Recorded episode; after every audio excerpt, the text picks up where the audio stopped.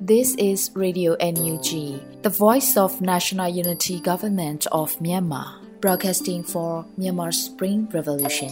Radio NUG is transmitting from shortwave 16 meter 17.79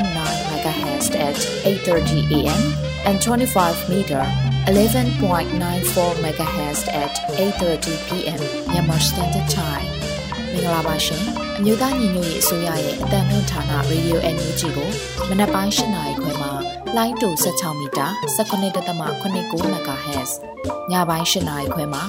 လိုင်းတူ25မီတာ17.6 MHz တို့မှာဓာတ်ရိုက်ဖမ်းယူနိုင်စေနိုင်ပါရှင်။မင်္ဂလာအပေါင်းနဲ့ပြည့်စုံကြပါစေ။အခုချိန်ကစပြီး Radio NUG အစီအစဉ်လေးကိုဓာတ်ရိုက်အတန်လွှင့်ပေးနေပါပြီရှင်။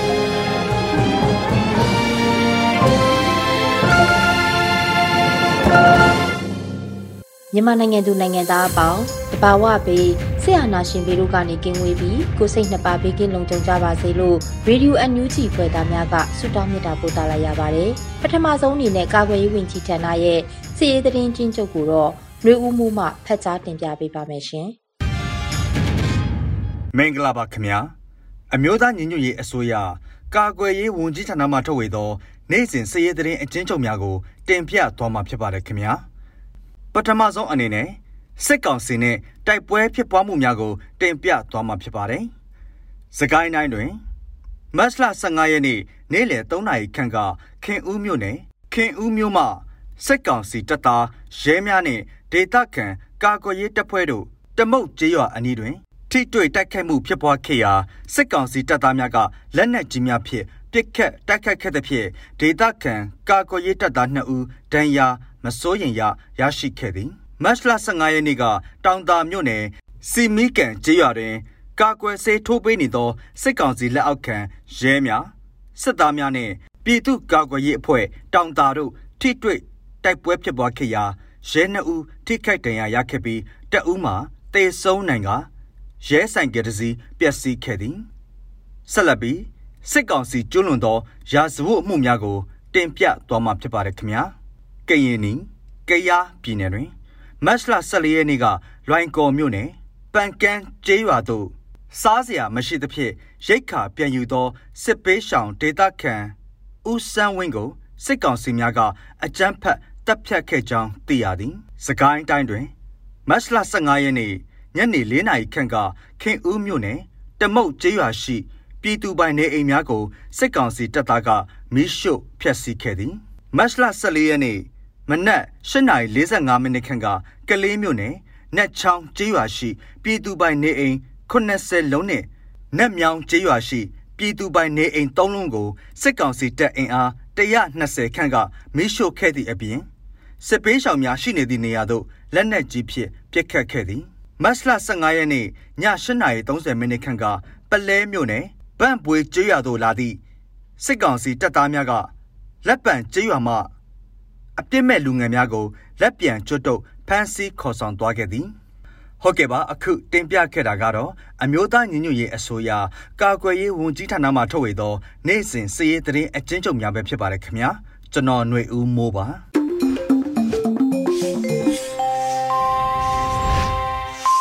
ရေယူအန်ယူဂျီရဲ့ပြည်သက်တွေကိုဆက်လက်ပြီးတင်ဆက်ပေးမှာကတော့နောက်ဆုံးရသတင်းများဖြစ်ပါတယ်။ຫນွေဦးမောင်မှဖတ်ကြားတင်ပြပေးပါမယ်ရှင်။ မင်္ဂလာပါခင်ဗျာယခုချိန်ကစပြီး Radio NUG ပြည်တွင်သတင်းများကိုဖတ်ကြားတင်ပြပေးပါတော့မယ်ယခုတင်ပြပေးမယ့်သတင်းတွေကတော့ Radio NUG သတင်းတာဝန်ခံတွေနဲ့ခိုင်လုံသောမိဖက်သတင်းရင်းမြစ်တွေမှာအခြေခံထားတာဖြစ်ပါတယ်ကျွန်တော်ကတော့ຫນွေဦးမှာပါမတ်လ26ရက်မနက်ခင်းသတင်းများကိုတင်ဆက်ပေးပါမယ်ရန်သူကိုအပီးအပိုင်ချိန်မုံရန်အချိန်ရောက်လာပြီလို့ယာယီသမရဒူဝါလာရှိလာကပြောကြားခဲ့ပါတယ်မတ်လ15ရက် အမျိုးသားညီညွတ်ရေးအစိုးရ46ကြိမ်မြောက်အစိုးရအဖွဲ့အစည်းအဝေးမှာယာယီသမ္မတဒူဝါလရှိလာကပြောကြားလိုက်တာပါကမ္ဘာကုလသမဂ္ဂနဲ့အပြည်ပြည်ဆိုင်ရာနိုင်ငံတကာမိတ်ဆွေတွေအနေနဲ့အကြောင်းအမျိုးမျိုးကြောင့်မြမအရေးမှာထိရောက်စွာမကူညီနိုင်ကြပေမဲ့ မိမိတို့ပြည်သူတွေကိုယ်တိုင်ရန်ပုံငွေထည့်ဝင်ပြီးဒေါ်လာရေးဆင်နွှဲလာခဲ့ကြတာအတော်ခီးပေါက်နေပြီဖြစ်တယ်ဆိုတာနဲ့ဒီအချိန်မှာပုံမခက်ခဲတဲ့ခြေလမ်းတွေတက်လှမ်းပြီးရန်သူကိုအပီးအပိုင်ခြေမုံရန်အချိန်ရောက်လာပြီဖြစ်တယ်အစိုးရအဖွဲ့ဝင်တွေအနေနဲ့ပြည်သူလူထုရဲ့အသက်အိုးအိမ်ကာကွယ်ရေးနဲ့မင်းအောင်လှိုင်ရဲ့စစ်ကောင်စီကိုခြေမုံနိုင်ရန်စိတ်ပိုင်းဖြတ်ပြီးရှိသမျှကိုဆွမ်းအားညံစွမ်းအားဖြင့်ပူပေါင်းလှုပ်ဆောင်ကတော်လန်ရေးကိုအရှိန်အဟုန်မြင့်တင်ရန်လိုအပ်လာပါပြီလို့ဆိုပါတယ်။ အမျိုးသားညီညွတ်ရေးအစိုးရဟာ2021စက်တင်ဘာ9ရက်နေ့မှာခုခံစစ်ပွဲများစတင်ဖို့နိုင်ငံကိုအရေးပေါ်အခြေအနေကြေညာခဲ့ပါတယ်။လက်ရှိမှာလည်းကရင်ပြည်စကိုင်းတိုင်းချင်းပြည်နယ်စတဲ့နေရာဒေသများမှာကာကွယ်ရေးတပ်များဟာစစ်ကောင်စီတပ်များကိုအစွမ်းကုန်ခုခံတိုက်ပွဲဆင်နွှဲနေကြပါတယ်။ဆက်လက်ပြီးပြည်သူ့ကာကွယ်ရေးတပ်မတော်ထောက်ပို့တပ်ဖွဲ့စည်းခဲ့တဲ့တဲ့တင်ကိုနှင်ဆက်ပေးပါမယ်။အမျိုးသားညီညွတ်ရေးအစိုးရကာကွယ်ရေးဝန်ကြီးဌာနမှ ပြည်သူ့ကာကွယ်ရေးတပ်မတော်ထောက်ပို့တပ်ဖွဲ့စည်းကြောင်းကိုမတ်လ15ရက်နေ့ညပိုင်းတွင် ထုတ်ပြန်ကြေညာခဲ့ပါတယ်။ကြေညာချက်မှာဖော်ပြပါရှိတာကတော့ Federal Democracy ပြည်ထောင်စုတည်ဆောက်နိုင်ရေးအတွက်စစ်အာဏာရှင်စနစ်ကိုအရင်ဆုံးအမြင့်ဖြတ်နိုင်ဖို့လိုပါတယ်။အခုဆိုရင်တိုင်းနယ်ပြည်နယ်နေရာအနှံ့မှာပြည်သူ့ကာကွယ်ရေးတပ်သားများတပ်ရင်းတပ်ဖွဲ့များရှိနေပြီဖြစ်ပါတယ်။ စစ်အာဏာရှင်စနစ်အမြန်ဆုံးအမြင့်ဖြတ်နိုင်ရေးအတွက်ရှေ့တန်းစစ်မျက်နှာပြင်မှာရဲဝံ့စွာတိုက်ပွဲဝင်နေကြတဲ့ပြည်သူ့ကာကွယ်ရေးတပ်သားများအတွက်ပြည်သူတရက်လုံးကလည်းနောက်တန်းကနေထောက်ပို့တာဝန်ကိုအပြည့်အဝတာဝန်ယူကြမယ်လို့ယုံကြည်ပါတယ်။စစ်အာဏာရှင်စနစ်ကိုလက်သင့်မခံသူတိုင်းထောက်ပို့တာဝန်ထမ်းဆောင်နိုင်ဖို့အတွက်ကာကွယ်ရေးဝန်ကြီးဌာနကထောက်ပို့တပ်ကိုဖွဲ့စည်းသွားမှာဖြစ်ပါတယ်။ ပြည်သူ့ကာကွယ်ရေးတပ်သားများအတွက်လစဉ်လာတိုင်းစားနပ်ရိက္ခာဖူလုံနိုင်ရေးရည်ရွယ်ပြီးမြေပြင်တိုက်ရိုက်ကူညီပေးနိုင်ဖို့ကာကွယ်ရေးဝန်ကြီးဌာနကဆောင်ရွက်သွားမှာဖြစ်ပါတယ်။လစဉ်မပြတ်တာဝန်ယူကြမဲ့ထောက်ပို့တပ်သားများကိုပြည်သူ့ကာကွယ်ရေးတပ်မတော် PDF ရဲ့ဖွဲ့စည်းပုံအတိုင်းစိတ်စုခွဲရင်းနဲ့ထောက်ပို့တပ်ကိုဖွဲ့စည်းမှာဖြစ်ပြီးကိုပိုင်နံပါတ်တစ်ခုနဲ့ထောက်ပို့တပ်ဖွဲ့ဝင်ကတ်ကိုလည်းကာကွယ်ရေးဝန်ကြီးဌာနကနေထုတ်ပေးမှာဖြစ်ပါတယ်။ ပြည်သူ့ကာကွယ်ရေးတပ်သားတယောက်လစဉ်စားနပ်ရိက္ခာဖူလုံနိုင်ရေးအတွက်အမေရိကန်ဒေါ်လာ20လိုအပ်မှာဖြစ်ပြီးမိမိတို့တက်နိုင်သည့်တပ်သားအရေးအတွက်ကိုတဦးချင်းဖြစ်စေအဖွဲ့အစည်းနဲ့ဖြစ်စေထောက်ပို့မှုများလှုပ်ဆောင်နိုင်မှာဖြစ်ပါတယ်။တနိုင်ငံလုံး PDF တကဘာလုံးထောက်ဖို့တပ်သားတွေဖြစ်လာပြီးစစ်အာဏာရှင်စနစ်အမြန်ဆုံးအမြင့်ဖြတ်နိုင်ဖို့အတူတူကြိုးစားရအောင်ပါ ပြည်သူဒေါ်လာရေးမူချအောင်ရမည်ဆိုပြီးတော့မတ်လ15ရက်နေ့ရက်စွဲပြထုတ်ပြန်တဲ့ကာကွယ်ရေးဝန်ကြီးဌာနရဲ့ထောက်ပို့တပ်ဖွဲ့စည်းခြင်းဆိုင်ရာကြေညာထုတ်ပြန်ချက်မှာရေးသားပါရှိပါတယ်။ထောက်ပို့တပ်သားတဦးအဖြစ်တလလျင်ဒေါ်လာ20တာဝန်ယူထောက်ပံ့ရမည်ဖြစ်ပြီးတပ်စိန်မှုဒေါ်လာ200တပ်စုမှုဒေါ်လာ600တက်ခွဲမှုဒေါ်လာ2000တရင်မှုဒေါ်လာ1000နဲ့တပ်မဟာမှုဆိုလျင်ဒေါ်လာ3000အထိတာဝန်ယူထမ်းဆောင်နိုင်ကြောင်းသတ်မှတ်ထုတ်ပြန်ထားပါတယ်။ ထောက်ပို့တပ်ဖွဲ့ဝင်များအနေနဲ့မိမိတို့တက်နိုင်တဲ့တပ်သားအရေးအတွက်ကိုတဦးချင်းဖြစ်စေအဖွဲ့အစည်းနဲ့ဖြစ်စေထောက်ပို့မှုများလှုပ်ဆောင်နိုင်မှာဖြစ်ကြောင်းလည်းသိရပါတယ်။ဆက်လက်ပြီးစစ်စင်ရေးတစ်ခုအောင်မြင်စွာဆင်နွှဲခဲ့တယ်လို့ဗဒက်များမြေ PDF မှအသိပေးခဲ့တဲ့သတင်းကိုတင်ဆက်ပေးပါမယ်။စစ်စင်ရေးတစ်ခုအောင်မြင်စွာဆင်နွှဲခဲ့တယ်လို့ဗဒက်များမြေ PDF အသိပေးပြောကြားထားပါတယ်။ မတ်လ15ရက်နေ့မှာစစ်စင်ရေးတစ်ခုကိုလှုပ်ဆောင်ခဲ့တဲ့အပေါ်မိုးကြိုသတင်းဌာနကမေးမြန်းခဲ့ရာဗလက်များမြေ PDF ကအဆိုထားတာပါထိခိုက်ကြဆုံးအသေးစိတ်မသိရသေးပါဘူးကိုလူတွေဘေးကင်းဖို့ဦးစားပေးနေတော့သတင်းပိုင်းအားနေပါတယ်လို့ဆိုပါတယ်အဆိုပါစစ်စင်ရေးကိုပကဖနဲ့မိုးကုတ် PDF တို့ဆောင်ရွက်ခဲ့တယ်လို့ဖော်ပြထားပါတယ်ဆက်လက်ပြီးဖဲကုံ PDF အမျိုးသားညီညွတ်ရေးအစိုးရထံမှထောက်ပံ့ကူညီမှုများလက်ခံရရှိရလို့ဆိုခဲ့တဲ့သတင်းကိုတင်ဆက်ပေးပါရစေ။ ဖဲကုံ PDF အမျိုးသားညီညွတ်ရေးအစိုးရထံမှထောက်ပံ့ကူညီမှုများလက်ခံရရှိရလို့ဆိုပါတယ်။မတ်လ15ရက်နေ့မှာဖဲကုံ PDF ကအထောက်ပံ့ရရှိကြောင်းကြေညာခဲ့ပါတယ်။ဖဲကုံ PDF တီ NUG အစိုးရဥဆောင်သောစစ်အာဏာရှင်စနစ်အမြင့်ဖြတ်တိုက်ဖြတ်ရေးနဲ့စစ်မှန်သော Federal Democracy စနစ်ထူထောင်ရေးလုပ်ငန်းတွင်အုတ်တချက်သေးတဲ့ဖွင့်အနေဖြင့်ပူးပေါင်းချိတ်ဆက်ဆောင်ရွက်လျက်ရှိပါတယ်။ကျွန်တော်တို့ PDF ဖဲကုံသည် NUG MOD အလဲပိုင်းတိုင်းစစ်ဌာနချုပ်ရဲ့လမ်းညွှန်မှု ကွက်ကဲမှုအောက်မှစစ်အာဏာရှင်အမြင့်ဖြတ်တိုက်ဖြတ်ရေးအတွက်စွမ်းစွမ်းတမန်ဆောင်ရွက်နေရာတွင်ပြည်တွင်းပြည်ပတဦးချင်းတော်၎င်းအသင်းအဖွဲ့တော်၎င်းတော်လန်ရေးရန်ပုံငွေပူးပေါင်းထည့်ဝင်ပေးသည့်အတွက်များစွာကျေးဇူးတင်ကုန်ပြုပါတယ်။ထို့နည်းတူ NUG MOD မှထောက်ပံ့ကူညီပေးမှုများကိုလည်းဘဲကုံ PDF မှလက်ခံရရှိပါတယ်လို့ဖော်ပြထားပါတယ်။အမျိုးသားညီညွတ်ရေးအစိုးရဟာလက်ရှိမှာ PDF များအတွက်လက်နက်တပ်ဆင်ရေးအပိုင်းကိုအာရုံစိုက်ဆောင်ရွက်နေကြောင်းသတင်းရရှိပါတယ်။ ဆက်လက်ပြီးစက်ကောင်စီကပြစ်ခတ်တဲ့လူတရက်နီးပါးရှိသောမပောက်ကွဲသေးတဲ့ဘုံကိုအသက်မဲ့အောင်ပြုလုပ်ခဲ့တဲ့တဲ့ရင်ကိုတင်ဆက်ပေးပါမယ်။စစ်ကောင်စီကပြစ်ခတ်တဲ့လူတရက်နီးပါးရှိသောမပောက်ကွဲသေးတဲ့ဘုံကိုအသက်မဲ့အောင်ပြုလုပ်ခဲ့တယ်လို့သတင်းရရှိပါတယ်။မတ်လ15ရက်နေ့မှာ KN Generation U ကဘုံတီတဲ့ဘုံကိုဖော်ပြခဲ့ရမှာလူတရက်နီးပါးရှိတာကိုတွေ့ရှိရပါတယ်။ရင်ဒီကိုလေရင်နဲ့ကျဲတဲ့ဘုံရွယ်အစားကျဲသွားတဲ့ဘုံတွေထဲမှာဒါကမပေါက်တဲ့တလုံးပေါ့ ပြည်သူတွေရှိနေတဲ့ရွာတဲ့ကျဲသွားတာငါတို့ပြည်နယ်သေးသေးလေးကိုမတုံးဘူးတဲ့လက်နက်လည်းမရှိတော့ပါဘူးလို့ KN Generation Youth ကဒီနေ့ March 15ရက်နေ့မှာဖော်ပြထားပါတယ်။အဆိုပါဘုံကိုအသက်မဲ့အောင်ပြုလုပ်ခဲ့တယ်လို့လည်းသိရပါတယ်။စစ်ကောင်စီဟာလေကြောင်းကနေအရက်သားပြည်သူများကိုပြစ်မှတ်ထားတိုက်ခိုက်ရုံတင်မကဖျားเจ้าနဲ့လူနေအိမ်စေးရုံစေကမ်းများကိုပါပြစ်ခတ်တိုက်ခိုက်လျက်ရှိပါတယ်။ဆက်လက်ပြီး ပြည်သူလူထုရဲ့နေအိမ်ရက်ရွာမီးရှို့မှုတွေကိုဇက်တိုက်ကျူးလွန်နေတဲ့စစ်ကောင်စီရဲ့ရွာမီးရှို့ခြင်းသတင်းများကိုစူးစီးတင်ပြပေးပါမယ်။ပဲခူးတိုင်းပေါင်းတယ်မြို့နယ်တိန်ကုန်းကျေးရွာအုပ်စုလဲပင်ကျေးရွာကိုစစ်ကောင်စီတပ်ကမတ်လ15ရက်နေ့နနက်3:30မိနစ်မှစတင်ကမီးရှို့ဖျက်ဆီးနေကြောင်းဒေသခံများကပြောပြပါဗျ။အဲ့ဒီလိုမီးရှို့ဖျက်ဆီးတာကြောင့် နေအိမ်16လုံးမီးလောင်ပြကျပျက်စီးခဲ့ရသလိုဒေသခံပြည်သူ450ကျော်လည်းအသက်ဘေးကနေထွက်ပြေးတိမ်းရှောင်နေရတယ်လို့သိရပါတယ်။မီးရှို့ရတဲ့အကြောင်းရင်းကတော့ရွာသားတွေဟာပြည်သူ့ကာကွယ်ရေးတပ် PDF များနဲ့ချိတ်ဆက်မှုရှိတယ်ဆိုတဲ့တန်တရားနဲ့အခုလိုမီးရှို့ခြင်းဖြစ်တယ်လို့ဆိုပါတယ်။မီးကဒီနေ့မနက်ကလာရှို့တာပြမနက်7:00နာရီလောက်မှာနေအိမ်10လုံးကုန်သွားပြီးအခုထိလောင်နေတော့မဲရွာသားတွေကရှောင်နေတာ9ရက်လောက်ရှိပြီး အခုသိန်းကုန်းကြီးရွာကဘုံကြီးကျောင်းမှာနေနေရတယ်လို့ပေါင်းတယ်ပြည်သူ့ကာကွယ်ရေးတပ်ဖွဲ့ဝင်တအူးကမတ်လ15ရက်နေ့ညနေ6နာရီတွင်ပြောပြပါတယ်။မတ်လ10ရက်နေ့ကလည်းလဲပင်ကြီးရွာအနီးမှာစစ်ကောင်စီတပ်သား18ဦးကိုပေါင်းတယ် PDF အဖွဲ့ကမိုင်းဆွဲတိုက်ခိုက်ခဲ့ပြီးစစ်ကောင်စီဘက်မှတေဆုံးမှုများကြောင့်စစ်မတိုက်ပဲအခုလိုရက်ရွာနေအိမ်များကိုမီးရှို့နေကြခြင်းဖြစ်ပါတယ်။လဲပင်ကြီးရွာဟာအင်ဂျီ160ခန်းရှိပြီးလူဦးရေ920ကျော်သာရှိတဲ့ရွာလေးဖြစ်ပါတယ်။ စစ်ကောင်စီတပ်များဟာပေါင်းတယ်မြို့နယ်ရှိကျေးရွာများကို PDF နဲ့ဆက်သွယ်မှုမပြုလုပ်ရန်နဲ့ပတ်သက်မီဆိုပါကအခုလိုရွာမီးရှို့ခံရမိအကြောင်းချင်းချောက်ပြောဆိုနေကြပါတယ်။အလားတူမီးရှို့ဖြစ်ရအတိုင်းပဲစကိုင်းတိုင်းခင်ဦးမြို့နယ်ထဲမှာစစ်ကောင်စီကမတ်လ9ရက်ကနေ15ရက်နေ့အထိရက်ဆက်မီးရှို့နေကြပါတယ်။ကျေးရွာလေးရွာကပြည်သူတွေရဲ့နေအိမ်တရားကျော်ဆုံးရှုံးခဲ့ရပြီးပြည်သူ၃ဦးအသက်ခံရက PDF ရဲဘော်15ဦးကြာဆုံးခဲ့တယ်လို့ဒေသခံစစ်ဘေးရှောင်ကူညီကယ်ဆယ်ရေးပရဟိတသမားတွေကပြောပါတယ်။ ဒန်းကုန်းရွာကနေအိမ်43လုံးမှန်တော်ရွာကနေအိမ်38လုံးကျွန်းလယ်ရွာကနေအိမ်2လုံးရာဆောင်နဲ့5လုံးတပ်ပေးရွာကနေအိမ်73လုံးမိရှုခံခဲ့ရတယ်လို့ဒေသခံတို့ကပြောပါတယ်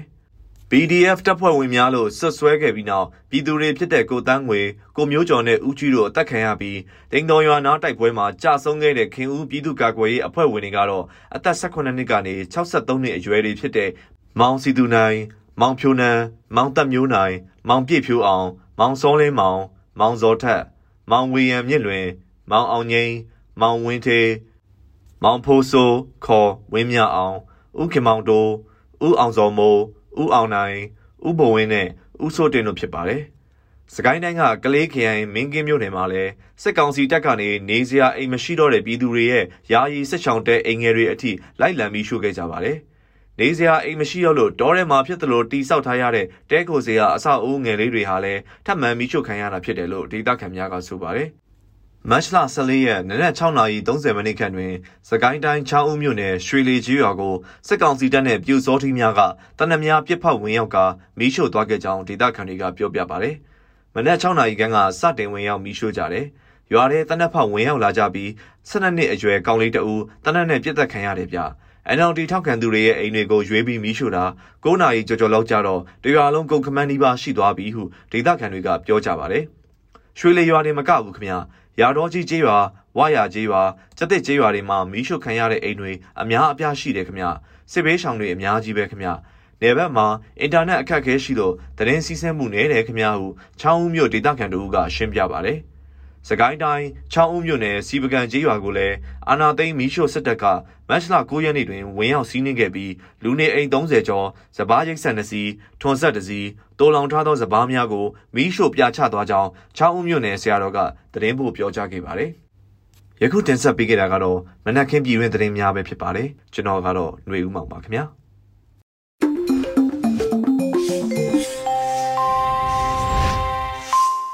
Radio NUG မှာဆက်လက်တမ်းလွှင့်ပေးနေပါတယ်။အခုဆက်လက်ပြီးပြည်သူခုခံတော်လှန်စစ်တရင်များကိုတော့နှွေဦးလိပ်ပြမှတင်ဆက်ပေးပါမယ်ရှင်။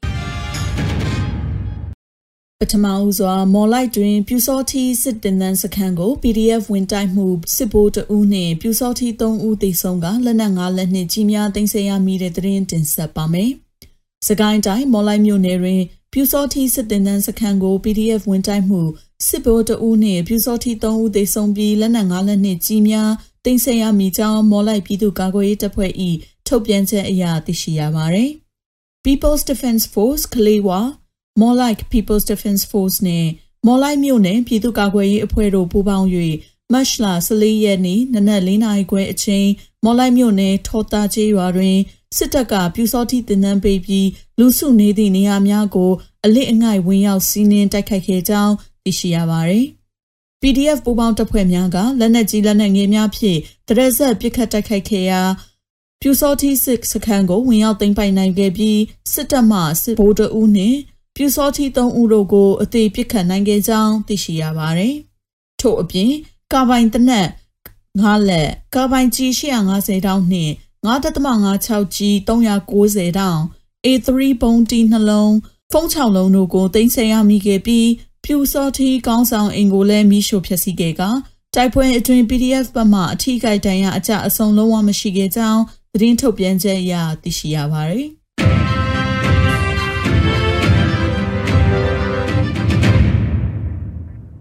ဆက်လက်ပြီးကတာတိုက်ပွဲတွင်စစ်ကောင်စီတပ်ဖွဲ့ဝင်30ဦးထပ်မံတေဆုံးတဲ့သတင်းတင်ဆက်မှာပါ။စကိုင်းတိုင်းကတာမြို့နယ်အေယာဝတီမြစ်ကြောင်းအတိုင်းစံတက်လာသည့်စစ်တပ်သင်္ဘောနှစ်စီးကိုရှော့တိုက်တုံးနှလုံးဖြင့်ပစ်ခတ်တိုက်ခိုက်ခဲ့ရာချက်ကောင်းထိပြီးသင်္ဘောအတွင်းပိုင်းတွင်ကြာရောက်ပောက်ကွဲခဲ့သဖြင့်စစ်သား30ဦးထပ်မံတေဆုံးကြောင်းကတာ PDF ကသတင်းထုတ်ပြန်ထားပါတယ်။ဆက်လက်ပြီးမန္တလေးမှာဘုံခွဲပိုက် တိုက်ခိုက်မှုများဖြစ်ပေါ်ပြီးစစ်သားတအုပ်သိဆုံးတဲ့သတင်းတင်ဆက်မှာပါ။မတ်လ14ရက်နနက်ပိုင်းမန္တလေးမြို့62လမ်းနှင့်တိတ်ပန်လန်းတောင်မီးပွိုင်း၌လမ်းသွားလမ်းလာများကိုဖမ်းဆီးငွေညှစ်နေသည့်စစ်ကောင်စီလှည့်ကင်းတပ်ဖုံးဖြင့်တိုက်ခိုက်ခံရပြီးစစ်ကောင်စီတပ်ဖွဲ့ဝင်၄ဦးဒဏ်ရာရရှိသွားကြောင်း Mandalay Black King Scorpion Guerrilla Force of Mandalay Mandalay Ranger Force PDF ဟာမဟာမိတ်ညီနောင်သုံးဘွယ်ပူးပေါင်း၍ တိုက်ခိုက်ခြင်းဖြစ်ကြောင်းသိရှိရသည်။ထို့အပြင် Mandalay Black King Scorpion နှင့် Guerrilla Force of Mandalay မဟာမိတ်ညီနောင်နှစ်ဖွဲ့က62လမ်းပေါ်ရှိတူနာပြုတ်တက္ကသိုလ်ဂိတ်ပေါလုံချုံရေးဂိတ်ကိုဘုံဖြစ်ယနေ့တိုက်ခိုက်ရာဂိတ်ပေါဆောင်စစ်သားတအူးတိတ်ဆုံးခဲ့ကြောင်းသတင်းထုတ်ပြန်ချက်အရသိရှိရပါတယ်။အလားတူမန္တလေးတိုင်းမြို့တောင်မြို့ပေါ်ရှိလျှက်စီရုံကိုယနေ့ည9နာရီခွဲအချိန်လက်ပစ်ဘုံဖြစ်ပစ်ခတ်တိုက်ခိုက်ခဲ့ကြောင်းသိရှိရတာပါ။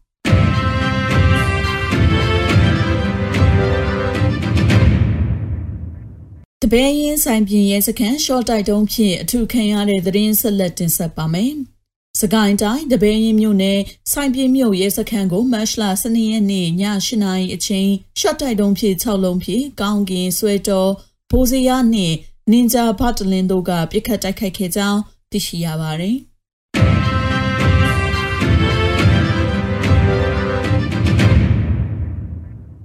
နောက်ဆုံးအနေနဲ့ အမျိုးသားညီညွတ်ရေးအစိုးရပြည်ထရေးနဲ့လူဝင်မှုကြီးကြပ်ရေးဝန်ကြီးဌာနက2022ခုမတ်လ15ရက်ရက်စွဲနဲ့ထုတ်ပြန်တဲ့ပြည်သူ့ခုခံတော်လှန်စစ်တရင်ချက်လက်တွေကိုတင်ဆက်ပေးသွားမှာပါ။အာနာသိန်းကျန်းဖက်စစ်အုပ်စု၏ပြည်သူလူထုအပေါ်ကျန်းဖက်ဖိနှိပ်ဖန်ဆီးတိုက်ခိုက်တပ်ဖြတ်နေမှုများကိုပြည်သူလူထုတရက်လုံးကအသက်ရှင်သန်ရေးအတွက်မိမိကိုယ်ကိုမိမိခုခံကာကွယ်ပိုင်ခွင့်ရပြည်သူ့ခန့်စစ် People's Defensive War ကိုဆင်နွှဲလျက်ရှိပါတယ်။တရင်ချက်လက်များအရာ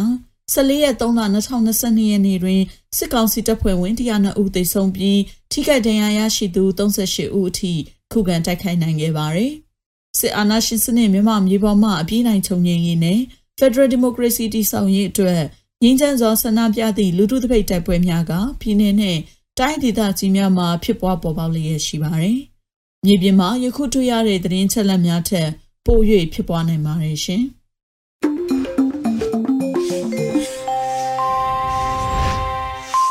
ခုဆက်လက်ပြီးတင်ဆက်ပေးမှာကတော့ PPTV ရဲ့နေ့စဉ်သတင်းများကို မျိုးတော်တာမှဖတ်ကြားတင်ပြပေးပါမယ်ရှင်။ ပထမဆုံးတင်ဆက်ပေးမှာကတော့အမျိုးသားညွရေးအစိုးရရဲ့46ကြိမ်မြောက်အစိုးရအဖွဲ့အစည်းကိုဒီနေ့မနက်မှာပြုလုပ်ခဲ့တဲ့ဆိုတဲ့သတင်းမှာအမျိုးသားညွရေးအစိုးရရဲ့46ကြိမ်မြောက်အစိုးရအဖွဲ့အစည်းကိုဒီနေ့မနက်10:00နာရီမှာပြုလုပ်ခဲ့ကြပါတယ်။အစည်းအဝေးကိုယာယီသမရတူဝလာရှိလာပြည်ထောင်စုဝန်ကြီးချုပ်မောင်ဝန်းခိုင်တန်းတို့အပါအဝင်ပြည်ထောင်စုဝန်ကြီးတွေတူဝန်ကြီးတွေတက်ရောက်ခဲ့ကြပါတယ်။အစည်းအဝေးမှာယာယီသမရတူဝလရှိလာကအစိုးရဟာနိုင်ငံတော်ရဲ့လိုအပ်ချက်ပြည်သူလူထုရဲ့တောင်းဆိုချက်တွေနဲ့ညီမင်းအောင်လှိုင်ဦးဆောင်တဲ့စစ်ကောင်စီအမြင့်ဖြတ်ချင်းမုံရေး Federal Democracy နိုင်ငံတော်တည်ထောင်ရေးတို့အတွက်ຫນွေဦးတော်လှန်ရေးကိုဦးဆောင်နေကြတာဖြစ်တယ်။အစပိုင်းမှာမရှိမဖြစ်တဲ့အစိုးရအဖွဲ့ကိုဖွဲ့စည်းပြီး Federal ပြည်ညင်ကိုပါနိုင်ငံရေးရည်မှန်းချက်တွေအောင်မြင်ရေးအတွက်လှုံ့ဆော်လာခဲ့ကြတယ်။ယခုအချိန်မှာစစ်တပ်ကပြည်သူလူထုရဲ့အသက်အိုးအိမ်စီစဉ်ကိုကာကွယ်ရန်တာဝန်ကိုလုံးဝမထမ်းဆောင်နိုင်တော့တာကိုမြင်တွေ့ရပြီးတပတ်မှာလည်းပြည်သူလူထုအနေနဲ့ပြည်သူကာကွယ်ရေးတပ်ကိုစနစ်တကျဖွဲ့စည်းပြီးစစ်ကောင်စီပြုတ်ကျရေးအတွက်နေ့စဉ်အင်တိုက်အားတိုက်လှုံ့ဆော်နေကြပြီဖြစ်တယ်။အရှိန်အဟုန်လဲအတော်ရရှိနေပြီဖြစ်တယ်လို့ပြောပါတယ်။ ကမ္ဘာကုလသမဂ္ဂနဲ့အပြည်ပြည်ဆိုင်ရာနိုင်ငံတကာမိတ်ဆွေတွေအနေနဲ့အကြောင်းအမျိုးမျိုးကြောင့်မြန်မာအရေးမှာထိရောက်စွာမကူညီနိုင်ခဲ့ကြပေမဲ့မိမိတို့ပြည်သူတွေကိုယ်တိုင်ရပုံငွေထည့်ဝင်ပြီးတော်လိုင်းရေးဆင်နွှဲလာခဲ့ကြတာအတော်ခရီးပေါက်နေပြီဖြစ်တဲ့ဆိုတာနဲ့ဒီချိန်မှာပုံမခက်ခဲတဲ့ခြေလမ်းတွေတက်လှမ်းပြီးရန်သူကိုအပြည့်အပိုင်းချင်းမုံရန်အချိန်ရောက်လာပြီဖြစ်တယ်လို့လည်းပြောထားပါတယ်။ အစိုးရအဖွဲ့ဝင်တွေအနေနဲ့ပြည်သူလူထုရဲ့အသက်အိုးအိမ်ကာကွယ်ရေးနဲ့မင်းအောင်လှိုင်ရဲ့စိတ်ကောင်းစီကိုချိန်မုံနိုင်ရန်စိတ်ပိုင်းဖြတ်ပြီးရှိသမျှကိုစွမ်းအားညံစွမ်းအားဖြင့်ပူပေါင်းလှုပ်ဆောင်ကတော်လှန်ရေးကိုအရှိန်အဟုန်မြင့်တင်ရန်လိုအပ်လာပါပြီပြည်သူကာကွယ်ရေးတပ်မတော်နဲ့တိုင်းရင်းသားလက်နက်ကိုင်များအချင်းချင်းပုံမနီကကနားလည်မှုရှိရှိနဲ့စိတ်ကောင်းစီကိုဆက်လက်တိုက်ပွဲဝင်သွားကြရမှာဖြစ်တယ်လို့ယာယီသမရကပြောပါတယ် ဒါပြင်ယခုတော်လိုင်းရေးအောင်နိုင်ဖို့အရေးအကြီးဆုံးအရာကစိတ်တက်ခွန်အားဖြစ်တဲ့ဘလောက်ပဲခက်ခဲပါလေစေအနာဂတ်ဖက်ဒရယ်ပြည်ထောင်စုမြန်မာနိုင်ငံတော်တည်တည်ဆောက်ရေးအတွက်တရားမျှတစွာငြိမ်းချမ်းတိုးတက်သောနိုင်ငံတော်တည်တည်ဆောက်ရေးတို့ကိုမျှော်ရည်ပြီးမလျော့သောဇွဲနဲ့ဆက်လက်လှုပ်ဆောင်ကြဖို့အတွက်လည်းယာယီသမရတူဝလရှိလာကတိုက်တွန်းထားပါတယ်။ နိုင်ငံတော်ဝန်ကြီးချုပ်မောင်ဝင်းခိုင်တန်းကလည်းရှမ်းပြည်နယ်တောင်ပိုင်းမိုင်းကိုင်မြို့နယ်တအောင်ပလောင်အမျိုးသားပါတီဥက္ကဋ္ဌဖြစ်သူမိုင်းနိုမဟန်၎င်း၏ဇနီးနဲ့ခုနှစ်လအရွယ်သမီးတို့ကိုရရဆက်ဆက်အသက်ခံချရမှုမလ23ရက်နေ့မြန်မာနိုင်ငံလူအခွင့်အရေးနေ့မှာကာကွယ်ရေးဝန်ကြီးအနေနဲ့ပြည်သူ့ခုခံတွန်းလှန်စစ်6လပြည့်အစီရင်ခံစာကိုထုတ်ပြန်ထားမှုဒီကနေ့အထိပြည်သူတွေရဲ့ကူညီလှူဒန်းမှုအမေရိကန်ဒေါ်လာတန်30ကျော်ရှိခဲ့ပြီးဒီရမငွေအားလုံးရဲ့85ရာခိုင်နှုန်းကျော်ကိုဆက်လက်နဲ့ခဲယံပစ္စည်းဝယ်ယူမှုနဲ့ထုတ်လုပ်မှုတွေအတွက်အသုံးပြုခဲ့ကြမှုဒါအပြင်ခုခံတွန်းလှန်စစ်မှာအတူလက်တွဲဆောင်ရွက်နေကြတဲ့မဟာမိတ်များနဲ့မျှဝေသုံးစွဲရမှုတွေကိုပြောကြားခဲ့ပါတယ်ဒါအပြင်အမေရိကန်အစိုးရရဲ့2021 2020ဘဏ္ဍာရေးနှစ်ဘတ်ဂျက်မှာ မြန်မာနိုင်ငံကိုထောက်ပံ့ဖို့ဒေါ်လာ136တန်းကျော်သတ်မှတ်ထားတယ်ဆိုတာနဲ့အဲ့ဒါကနှစ်စဉ်ထောက်ပံ့နေကြဘတ်ဂျက်ရဲ့နည်းနည်းပဲတိုးလာတာဖြစ်ပေမဲ့အရေးကြီးတာကအဖွဲ့အစည်းများကိုညှို့ဆိုတဲ့ကိစ္စဖြစ်တယ်ဆိုတာအားလုံးပါဝင်တဲ့အားလုံးကိုကိုစားပြုတဲ့ဒီမိုကရေစီစနစ်နဲ့ဖက်ဒရယ်ပြည်ထောင်စုတည်ဆောက်ရေးအတွက်မြန်မာနိုင်ငံအတွင်းကတိုင်းရင်းသားလူမျိုးစုများအကြားတန်းတူညီမျှရေးဆောင်ရွက်နေတဲ့အဖွဲ့အစည်းတွေကိုညှို့ဆိုရမှာအမျိုးသားညွေရေးအစိုးရ NUG NUCC CRPH CDM EAOS တွေပါဝင်နေတာမို့အင်မရန်အားတက်စရာကောင်းတယ်ဆိုတာနဲ့ဒီဘတ်ဂျက်ဥပဒေအတည်ပြုပြီးရပ်ပေါင်း60အတွင်းမှာကုညီထောက်ပံ့ရေးအစီအစဉ်တွေညှိနှိုင်းသွားမှာဖြစ်တယ်လို့ NUG အနေနဲ့လည်းသေချာပြင်ဆင်ဆောင်ရွက်တင်တာတွေကိုအစိုးရအတွင်းတိုင်ပင်ဆောင်ရွက်ထားဖို့လိုအပ်နေပြီဆိုတာတွေကိုဝန်ကြီးချုပ်ကပြောကြားခဲ့ပါတယ်။အစည်းအဝေးမှာအမျိုးသမီးလူငယ်နဲ့ကလေးသူငယ်ရေးရာဝန်ကြီးဌာနက Children Affected in Armed Conflict Guideline ကိုတင်ပြခဲ့သလိုဆက်သွယ်ရေးသတင်းအချက်အလက်နဲ့ဤပညာဝန်ကြီးဌာနကအမျိုးသားညီညွတ်ရေးအစိုးရရဲ့သတင်းနဲ့ပြန်ကြားရေးဆိုင်ရာမဟာဗျူဟာကိစ္စရပ်တွေကိုတင်ပြဆွေးနွေးခဲ့ပါတယ်။အဲဒီနောက်ပြည်ထောင်စုဝန်ကြီးချုပ်ကတင်ပြလာတာတွေကိုပြန်လည်ရှင်းလင်းဆွေးနွေးပြီးအစည်းအဝေးကိုရုပ်သိမ်းခဲ့ပါတယ်။ဆက်လက်တင်ဆက်ပွင့်မှာကတော့ Federal Democracy နိုင်ငံတော်သစ်အောင်မြင်စွာထူထောင်နိုင်ရန်အတွက်ຫນွေဦးတော်လှန်ရေးမှာအသက်ခံတာစတေးပေးလူခဲ့တဲ့သူရဲ့ကောင်းတွေကိုတိုင်တီးပြီးတန်ဋိဌံပြုတယ်လို့ပညာရေးဝန်ကြီးဌာနထုတ်ပြန်လိုက်တဲ့သတင်းမှာ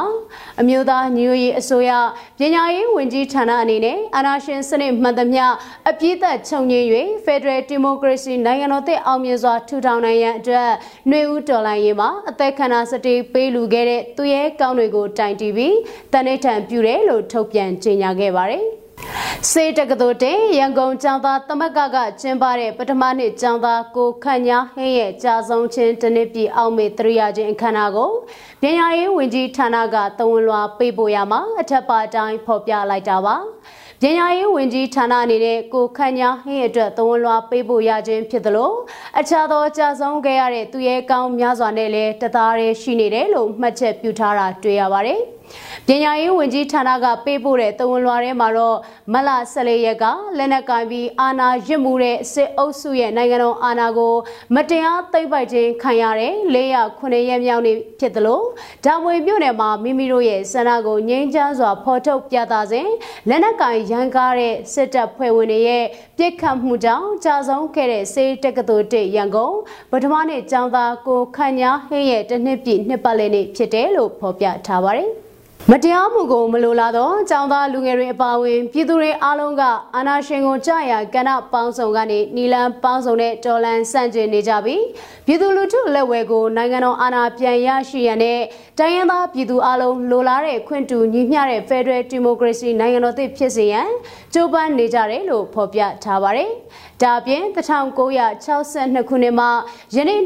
2022ခုနှစ်တိုင်အာဏာရှင်စနစ်ဆန့်ကျင်တော်လှန်ရေးခရီးချမ်းမပြေဆုံးနိုင်သေးတာကလွန်စွာစိတ်ပြက်ဝန်းနေပွဲရာဖြစ်ပြီးတော့ခရီးလန်းချမ်းတန်းတာနဲ့မျှအာဏာရှင်ကိုဆန့်ကျင်ရင်းနိုင်ငံအတွက်အသက်ပေးလူခဲ့ရတဲ့အနာဂတ်ရဲ့လူငယ်တွေများစွာရှိခဲ့ရပြီလို့ဆိုထားပါတယ်။ ဒီမိုကရေစီနဲ့လူအခွင့်အရေးအတွက်ယနေ့တိုင်တော်လန်တိုက်ပွဲဝင်ရင်ကြာဆုံးခဲ့ကြရတဲ့ចောင်းသားလူငယ်တွေအပါအဝင်ပြည်သူလူထုအပေါင်းကိုလေးစားစွာဥညွတ်ဂုဏ်ပြုတယ်လို့လည်းပညာရေးဝန်ကြီးဌာနရဲ့ထုတ်ပြန်ချက်မှာတွေ့ရပါတယ်။ဒါအပြင်ယနေ့ကြုံတွေ့နေရတဲ့စစ်အာဏာသိမ်းမှုကိုတော်လှန်နေတာကကျွန်တော်တို့အားလုံးအတွက်အာဏာရှင်စနစ်ကိုစန့်ကျင်တွန်းလှန်တိုက်ပွဲဝင်နေတဲ့နောက်ဆုံးတော်လှန်ရေးဖြစ်စေရမယ်ဆိုတာနဲ့ ဖိရင်ကြွမယ်ထိရင်ချမယ်ဆိုတဲ့ကြွေးကြော်တန်တွေကမဟုတ်ရင်မခံ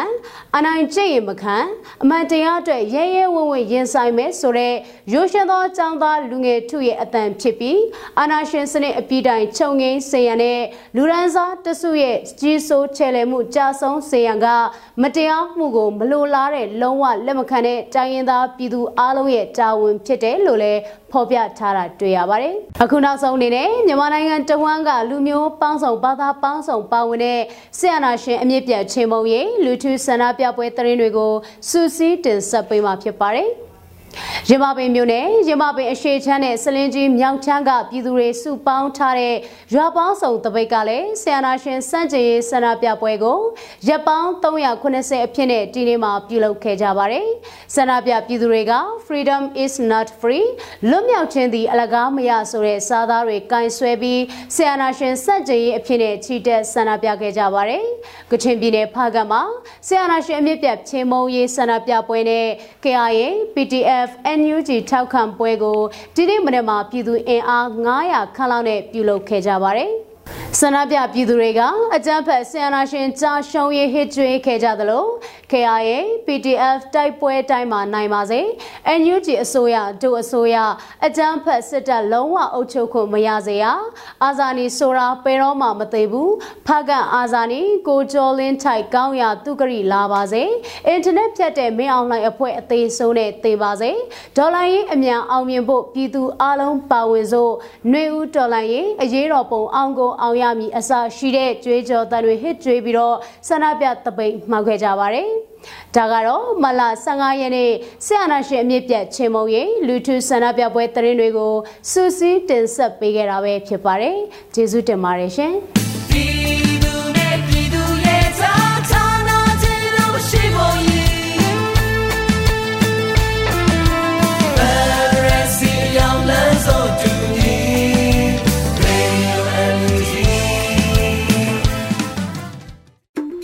ဒီကနေ့ကတော့ဒီညနဲ့ပဲ Radio NUG ရဲ့အစီအစဉ်လေးကိုခਿੱတရနာလိုက်ပါမယ်ရှင်။မြမစံတော်ချိန်မနက်၈နာရီခွဲနဲ့ည၈နာရီခွဲအချိန်တွေမှာပြန်လည်ဆုံတွေ့ကြပါစို့။ Radio NUG ကိုမနက်ပိုင်း၈နာရီခွဲမှာလိုင်းတူ16မီတာ19.8 MHz